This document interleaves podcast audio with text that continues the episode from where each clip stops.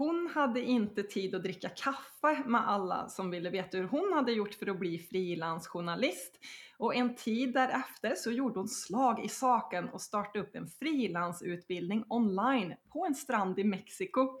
Nu, tio år senare, så har Norska Journalistskolan och Svenska Journalistakademin haft mer än 2000 deltagare och våra studenter har haft artiklar i tryck i mer än 200 magasin och tidningar. Sveriges enda utbildning i frilansjournalistik, det är Journalistakademin. Vi har hundratals med studenter som har fått sina artiklar på tryck i landets magasin och tidningar. Är du också nyfiken på det här med frilansjournalistik? Då vill jag att du bokar ett samtal med oss för att prata mer. Du går in på journalistakademin.se boka. Och i den här podden djupdyker vi i frilanslivet och träffar massa spännande gäster som håller på med frilansjournalistik på ett eller annat sätt. Jag hoppas att du ska bli riktigt inspirerad. Jag säger välkommen till podden Journalistskolens och Journalistakademins grundare Vivian Sånge. Hej! Hej och tusen tack för det. Kul å ha dig här och först och främst vill jag ju säga grattis till tio år. Hur känns det? Det føles jo helt utrolig. Tenk at det har gått ti år siden vi starta fra en strand i Mexico, og de første studentene klarte å få sine artikler på trykk, så det føles veldig bra. Och berätta då, hur, hur firar ni det här jubileet i, i Norge da? Ja, vi kjører jo først og fremst en jubileumsrunde av kurset, eller utdanningen som det nå heter, eh, hvor vi har litt ekstra intervjuer med noen kjente magasinredaktører i Norge da. så studentene får litt skikkelig innblikk i bransjen. Og så har vi laga vårt eget magasin, endelig. Nå har vi jo lært bort magasinjournalistikk i ti år, så nå har vi fått brukt dette her og lagd et jubileumsmagasin. Og så er det jo da det vi alltid gjør, som er å veilede studentene til å få artiklene på trykk. Og det feirer vi jo hver eneste gang det skjer, da. Ja, men precis. Och Eh, trodde du någonsin Vivian att det skulle bli så här stort? Journalistskolen och sen Journalistakademin her i Sverige? Nei, i begynnelsen Jeg kunne jo ikke forestille meg det. Det var jo først noen, altså en del kolleger og venner og bekjente som spurte meg men hvordan skal jeg bli frilansjournalist? hvordan får du det til? Hvordan får du så mange artikler på trykk i ulike magasiner og aviser? tenkte jeg ja, men jeg kan jo sette sammen en metode. Jeg har jo egentlig en metod. Men nei, at så mange skulle melde seg på og, og faktisk eh, få det til over så mange år, det er eh, jag är väldigt, väldigt glad for det. Då. Men berätta om din frilanskarriär innan då, för du har ju varit skrivit för många olika magasin och, och aviser. Ja, det, jag tälte ju en gång och det, det blev över 30 eh, olika magasiner och aviser, eh, först och främst i Norge då, men det är ju alla de alla kvinnomagasinene, sånn som Kamille, Tara, L, KK, alla disse här. Och så är det helsemagasiner, reisemagasiner, avismagasiner, litteratur, vetenskap, eh, ja, til og med sykepleiermagasin. Jeg har skrevet for så mange forskjellige nisjer, da. så det er derfor det er, går an å lage metoder som funker for alle typer magasiner, da, kan du si. Ja, for Fortell om denne metoden. Når du stod der på en strand i Mexico for ti år siden, hva var det du ville, ville skapa? Det, det, var veldig klart og tydelig for meg. fordi jeg tenkte her nytter det ikke å ha mye eh, stuffing. Altså, jeg, ville bare gjøre det veldig clear cut, veldig rent.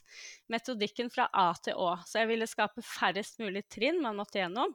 Og veldig tydelig forklart og på en engasjerende måte. Så jeg tok rett og slett og skar det ned til beinet. Dette må mm. du vite eh, fra begynnelse til slutt for å få solgt en bra artikkel til redaksjonen og komme deg innafor i bransjen. För det, ju, det, säger ju studenter här i Sverige också, att vår metod känns väldigt hands-on, liksom att det är väldigt praktiskt och up to date framför allt. Alltså så här fungerar det på riktigt, eller hur? Ja, och det var därför jag både brukte min egen erfaring från branschen, både som journalist och som redaktör och som redaktionschef, och också trakk in andra resurser som har lang fartstid i branschen. Vi har ju alla som regel over 15-20 års erfaring till att säga, ja men detta är min erfaring, slik gör vi det, slik upplevde jag då en frilanser gjorde på denna måten, så att du får best practice och worst practice. Så vad ska du göra och vad ska du inte göra? Ja, precis. Och, och, som jag känner här efter att ha gått utbildning i Sverige på Journalistskolan, det, där pratar man ju egentligen nästan ingenting om det med frilansa, alltså pitcha in idéer. Hva, lärde du deg noe om det när du gikk? Nei, det var akkurat det. Jeg, så jeg gikk jo Journalisthøgskolen i Norge, jeg også. Lærte jo veldig mye bra. Både mediehistorie, selvfølgelig presseetikk, alle, alle mulige nyttige ting. Det er ikke det. Men selve det praktiske ute i verden, og særlig som frilanser, hva skal jeg konkret gjøre? Og de nyansene som, som, kan spille inn når du sender inn en pitch til en redaksjon. Hva er det som gjør at de tar deg seriøst, og ikke minst i strukturen på artikkelen også. Men, så de små triksene som gjør at du blir en slags favorittfrilanser, det er jo egentlig målet. Och eh, det är ju också så att frilansandet är ju väldigt stort. Eh, magasinerna tar ju in så mycket frilans och framförallt nu då en ekonomisk osäkerhet i redaktionerna blir mindre men desto större blir ju faktiskt då frilansbranschen. Eh, hur är det att se att det faktiskt fungerer fortsatt. Ja, det er akkurat det. Den samme metoden fungerer veldig bra. Og vi gjør jo mm. justeringer hele tiden, selvfølgelig. Men det er akkurat det at redaksjonene, selv de faste redaksjonene blir mindre, men frilansredaksjonene blir jo da på en måte større. Så det er jo enorme muligheter for jobb. For det er jo, vi lever jo i et informasjonssamfunn der det skal være tekster på alle flater hele tiden, også andre kommunikasjonsuttrykk, da. Men den journalistiske tankegangen, den journalistiske presentasjonsmåten er enormt viktig. Så uten det så fungerer jo ikke samfunnet samfunnet vårt i dag. Och vad tycker du då själv är liksom skärmen med å være frilansjournalist? Hva, hva, hva er det du njuter av i det? Det er jo for det første det at jeg kan skrive og tjene penger på det. Det er jo drømmen for mange. Altså man vil liksom få ut den kreative evnen sin, talentet, kanskje formidlingstrangen, og faktisk tjene penger på det. Det er jo den største fordelen. Og så er det friheten. Kunne velge hvor vil jeg være, hvor lenge vil jeg være der, hvor skal jeg jobbe fra. Jeg kan selge inn alle forskjellige typer stoff til ulike typer magasiner. Så det er også variasjonen. Det der med at Nei, nå er jeg lei av å skrive om reise, kanskje jeg heller vil skrive om psykologi. Så det er en sånn kinderegg pluss, pluss, pluss, hvor du har så mange ting i ett. Så for meg er det jo absolutt drømmejobben. Och variationen av ämnen som du säger är ju oändlig. Vad, vad har studenterna fått på trykk, om du ser på Sverige og, og Norge? Ja, det er altså så mye forskjellig. Det er jo alt fra ja, de vanlige reise, helse, eh, psykologi, samliv, eh, alle slags kvinnetematikker, mote, dette her. Men det er også fiskeri, eh, hund, mm -hmm. alternative tematikker, eh, spesifikke ting om fremmede land. Altså det kan være sosial antropologi, vitenskap eh, immigrasjonspolitikk. Det er absolutt det er alt du kan tenke deg. da. Och jag vet ju att du pratar ju väldigt mycket om det här med, med vinkel, alltså att det handlar ju, knep att få till någonting är ju att hitta en bra vinkling på ett ämne. Vad är en bra vinkel tycker Vivian Sonne? ja, en bra vinkling er rett og slett noe som treffer rett i hjerterota på den spesifikke redaksjonen, og dermed på den spesifikke kjerneleseren til dette magasinet. Fordi en mm. vinkling er ikke en god vinkling i løse lufta, den må treffe en person, et menneske. Og hvert eneste magasin, hver eneste avis, hver eneste publikasjon har sin kjerneleser in mente, kan man si, og vet nøyaktig hvem de snakker til. Så hvis du som frilansjournalist klarer å snakke på vegne, eller til den rette leseren, med en tematikk de er veldig interessert i, spiss, spiss, spiss, så spiss som mm. mulig, og svare på et spørsmål de har, et problem, en utfordring, noe de vil ha informasjon om, da har du en kjempegod vinkling som selger. Det er nesten så at man får skape, tenke som en persona, liksom. Hva, hva er det her for, for, person som jeg skriver til? Hva, hva gjør den? Hvordan ser livet ut? Eh, hva er den personen interessert av? Jo, og jo tydeligere du kan gjøre det for deg sjøl, jo tydeligere du har et bilde av Som i Norge er det jo da Camille eller Amelia i Sverige, leseren, eller denne typen avis, eller denne spesifikke fagtidningen. Uansett, eh, hvis du ser for deg personen deres og tenker på vegne av dem, og da kan det jo være en fordel at du har vært innom den bransjen sjøl, for da har du vært på den andre mm. siden og lest det magasinet og lurt på alle de tingene, og da vet du akkurat hva du kan eh, hva du kan ta opp, men du behøver heller ikke ha vært i bransjen, for det gjelder bare å tenke på en journalistisk måte og sette deg inn i den personens sted. Da. Og jeg vet jo også at du, du, prater mye om det her med at man, man får også skilje på hva som er bloggare og journalist. Eh, at man kan utgå fra seg selv og livserfaring, om du er ekspert på kjærlighetsproblem eller om du er ekspert på å ha diabetes. Men at du skal intervjue andre, eller hur? Jo, og selvfølgelig, det, det, har skjedd en dreining kan man si, i journalistikken over tid, og det finnes jo flere typer, f.eks. New Journalism og mange typer journalistikk, så er det ikke sånn at man aldri kan skrive om seg selv. Men generelt som journalist så har man en rolle hvor man skal formidle noe med en tematikk. Og det viktigste mm. er ikke at du har opplevd det selv. Det viktigste er at tematikken blir klart og tydelig engasjerende og formidla. Så det er bedre da som regel at du bruker en annen såkalt case, en annen person som er eksempelet men hvis du har opplevd det sjøl, så har du en rekke gode spørsmål. Du har et kjempegodt utgangspunkt for å kunne intervjue både eksperter og case om den saken. Men man skal ikke bli for opptatt av seg selv eh, som journalist, fordi det er budskapet og leseren som er i fokus. da. Ja, det brukar vi också prata mycket om det här och gärna utgå från det skärmen och tänka på vad vill läsaren ha? Vad vill den läsa om? Eh, och hitta rätt, rätt personer. Skulle du säga att den rätta mixen i en artikel är att ha en caseperson og en ekspert, eller hvilke skal, skal, man ha med i en artikkel? Ja, det kommer an på typen artikkel, for det er ikke alltid det egner seg å ha med case. En case er da et vanlig menneske kan man si man intervjuer som har opplevd denne tematikken, og som kan si noe om den. Men ekspert det må man alltid ha, og minst én. Man bør jo gjerne ha flere kilder. Eh, men når det gjelder psykologiske artikler, samliv for den saks skyld, trening, jeg har opplevd dette resultatet, eller interiør, da må man jo ha en case, altså. Og da en eller flere case, da. Så det kommer veldig an på typen artikkel. Og du har jo vært på både sider, både som frilansjournalist som pitcher inn saker, men også som redaktør. Som redaktør, hva lærte du deg å jobbe som det? Ja, for det første så lærte jeg noe veldig viktig som er veldig nyttig for studentene å vite. Det er at alle redaktører er vanlige mennesker. Ja. Med helt vanlige dager, med helt vanlige Mac-er eller computere, med helt vanlige tanker og ideer, og som får en mail og bare 'Å, hvem er det her? Hvem kan det være? Kanskje det er interessant for vårt magasin?' Det er veldig sånn at man, man avvæpner den derre 'oi', denne mm. respekt man kanskje har for redaktører, at de er så spesielle mennesker. Så da visste jeg òg, jeg kan jo bare skrive til hvem som helst', for det kunne jo like gjerne vært meg som satt der. Eh, og det andre er jo hvordan de tenker. De tenker jo OK, kommer du kjapt til saken, forklarer du det på en klar og tydelig engasjerende måte i pitchen. For hvis ikke mm. kan det jo hende artikkelen også blir litt tungrodd og ikke blir så god å lese. Så det, det at pitchen representerer hvordan du kommer til å skrive, og om du klarer å forstå målgruppen da, og, og gi akkurat det leseren vil ha, og alle de små fallgruvene òg med ting man ikke skal gjøre. F.eks. å bable veldig mye om seg sjøl i pitchen. Mm. At det er saken som er poenget. Altså i vinklingen og, og artikkelen. Konsentrere seg om de. Precis, att ett pitchmail går rakt på sak, inte liksom en stor uppsats om vem du är och vad du äter till middag, utan direkt på vinkeln og hva er det du faktisk eh, erbjuder til redaksjonen. Ja, og, da, og en viktig, annen viktig ting er at du trenger da heller ikke rettferdiggjøre hvorfor din sak er bra nok og din stemme er bra nok. Jeg har likt å skrive siden jeg var fem. Jeg tok en gang et kurs i et halvt år.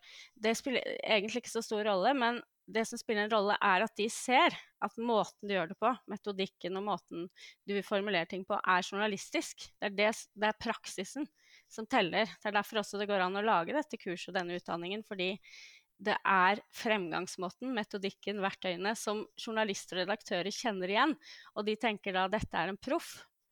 Og da er du sebraen blant ikke sant? Hvis du bare egentlig ikke var en sebra, så har du malt på deg svarte striper, men da er du overbevisende som sebra, da. Precis, just det. Eh, och jag vet att ni som, ni, som, ni som kan titta på oss også, du har jo noen eh, magasin å vise ja. Hva har du med deg? Vivian? Nei, jeg har litt forskjellig, fordi var, poenget her er jo nettopp å vise bredden. da, At det er så utrolig ja. mye forskjellig man kan skrive om. Her er det jo et av de avismagasinene som kommer hver lørdag i en av de største avisene i Norge. Her er et, skal vi se, alternativt magasin hvor man skriver om alt mellom himmel og jord, bokstavelig talt, ja. men med en alternativ vri. Da. Dette er jo da et reisemagasin, veldig populært. Som, ja, de fleste har jo drømmen om å skrive for reisemagasiner.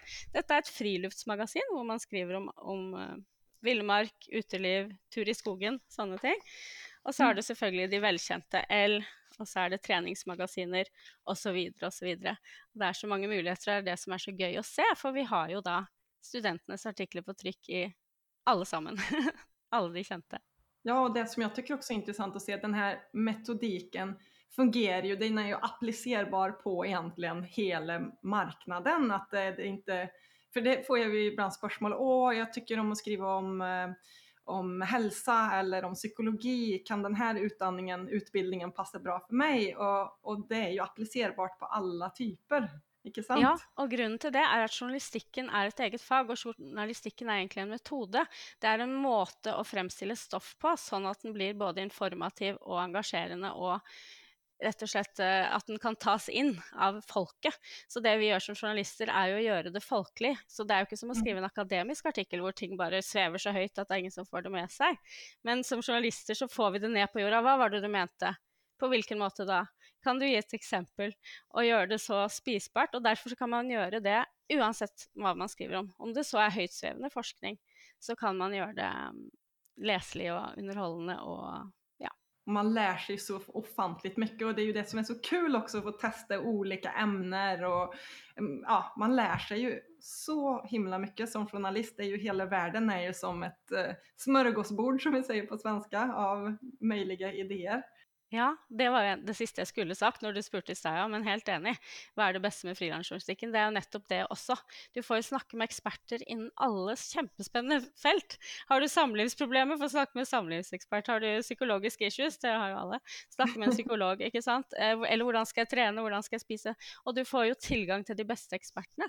Ja, tio år förstår jeg har gått snabbt. Om du bare får ha en visjon, hva tenker du om journalistskolen og journalistakademien framåt? Vad, vad har du, du for forhåpninger? Det blir jo veldig spennende å se. Men det hadde jo vært veldig gøy hvis det kunne utvides og komme til enda flere land. For nå har vi jo Norge og Sverige som går veldig, veldig bra. Eh, Vi har jo Danmark, vi har jo flere land i Europa, vi har jo det engelske markedet. Så det hadde jo vært veldig gøy, det må jeg jo si, hvis denne metodikken kunne spre seg og bli en sånn eh, en utdanning som man kunne få tak på i mange forskjellige land og på forskjellige språk. Det hadde jeg ikke hatt noen ting imot. Vad, hva får du for tilbakemeldinger fra tidligere studenter som, du, som glädjer deg? Ja, det er veldig jeg har, jeg har møtt folk på flyplasser, jeg har møtt dem i kaffebarer, jeg får jo i innboksen på Facebook. Nei, de, nesten alle sier det samme, og de sier at dette kurset eller denne utdanningen endra mitt liv. Eh, nå skjønte jeg at jeg kunne skrive, jeg visste ikke at jeg kunne gjøre dette her. Jeg trodde jeg måtte ha en formell utdanning, jeg visste ikke at det var dette som skulle til. Men nå har jeg gjort, jeg har brukt metoden din, og den funker. Og nå tjener jeg penger på å skrive artikler, jeg reiser verden rundt. Så det at jeg endra livet deres, da, det er jo bare helt utrolig. måste være fantastisk å høre og, og få den feedbacken. Hur, hur ser ditt frilansliv ut nå? Da? Skriver du artikler, eller hva, hva gjør du om dagene? Nei, jeg har, jeg har eh, beveget meg litt videre, for jeg har jo skrevet artikler i alle år, og ikke minst har jeg da undervist i det i ti år, da, og laget denne metodikken, så jeg har gjort veldig, veldig mye med artikler, så nå har jeg gått over til eh, bøker.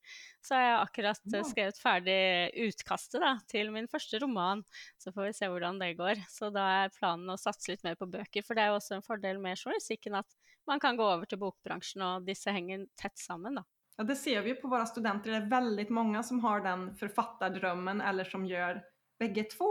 Og der tenker jeg også at man faktisk kan lære seg veldig mye hos oss på vår utbildning om vinkling og dramaturgi og, og, så. Ja, det er flere faktisk av våre studenter som de har tatt utdanningen, men de ble ikke journalister. De ble forfattere. Altså både skjønnlitterære, sakprosa, ulike typer bøker. Barnebøker til og med. som, så de har fått ideen på utdanningen og skjønt på en eller annen måte hvordan de skulle gå frem. da. Så det hjelper tydeligvis på mange områder. Og til sist da, hva, hva vil du skikke med for tips til den som funderer på det her med frilansjournalistikk? For det første, bort med den blokkeringen. Ikke hør på de rundt deg som ikke har prøvd dette her, som sier sånn nei, det går ikke an, og det er usikkert. Det kan man ikke satse på, det tjener man ikke penger på. Bort med de, spør ok, har du prøvd, har du erfaring i det? Nei vel, da hører jeg ikke på deg. Da burde du høre på de som er i bransjen, som har gått veien før deg, som har gjort feil, som har gjort riktige ting, men som vet hva dette dreier seg om. Og hør på de. Og det er jo det vi tilbyr da i, i utdanningen. Det er jo folk som vet nøyaktig hva som skal til. Og så gjelder det jo faktisk å gjøre de tingene. Nytter ikke å bare sitte og tenke på det, du må gjøre det. Skritt for skritt for skritt. Men når du følger den metodikken og de tipsene du får da, fra de som har gått før deg, så er verden åpen for deg som skribent, fordi journalistikk er jo da et fritt yrke. Så alle har i prinsippet lov å prøve seg på dette her. Och att man heller aldrig blir för gammal. Vi har ju jättemånga success stories som faktiskt är kanske lite äldre också och, och provar detta senare i livet och det går magiskt bra. Ja, det hører, altså jeg hadde jo en som jeg pleier å trekke fram på det, som er veldig veldig bra, en som heter Merete i Norge, som begynte rett før hun ble 60. Hun var vel kanskje ja, 58 et eller annet sånt like før 60, mm. og er nå kanskje 65. Og reiser rundt i Europa, intervjuer folk, og ikke, det er ikke snakk om å pensjonere seg. Altså, hun har fått et, en ny, ny giv, og hun var da ja, altså det er et ord jeg ikke kan si, vet du, men barnesykepleier. Ja, ja så hun var noe helt annet. Ja, ikke sant? På svensk. Men hun var noe helt annet og snudde livet rundt i veldig voksen alder, da. Så det er jo veldig bra. Det är fantastiskt inspirerande och att det aldrig är för sent och som Vivian säger, inte lyssna på dem som säger det går inte och det går inte utan våga kasta sig ut och våga prova. Det har ju fungerat på så himla många människor, inte minst jag och Vivian. Vi har lyckats. Jag var gravid med barn i magen när det var folk som sa, nej men gud, ska du, tackar du nej till fast jobb? Ja, men jag ska fri, jag frilanser, jag kör eget och det går superbra. Så att, att man ja, tør helt enkelt, at man våger å satse. Ja, og så er det jo ikke det at det aldri kommer dumper. Altså, det går jo opp og ned, det er ikke sånn at alt er perfekt hele tiden. Men det er hvis du ønsker deg den friheten du ønsker deg, den kreativiteten du ønsker å faktisk leve av å skrive, så fins det så mange muligheter at hvis du da ser i bredden, og, og, og så er det det med ballen, ballen, som ruller.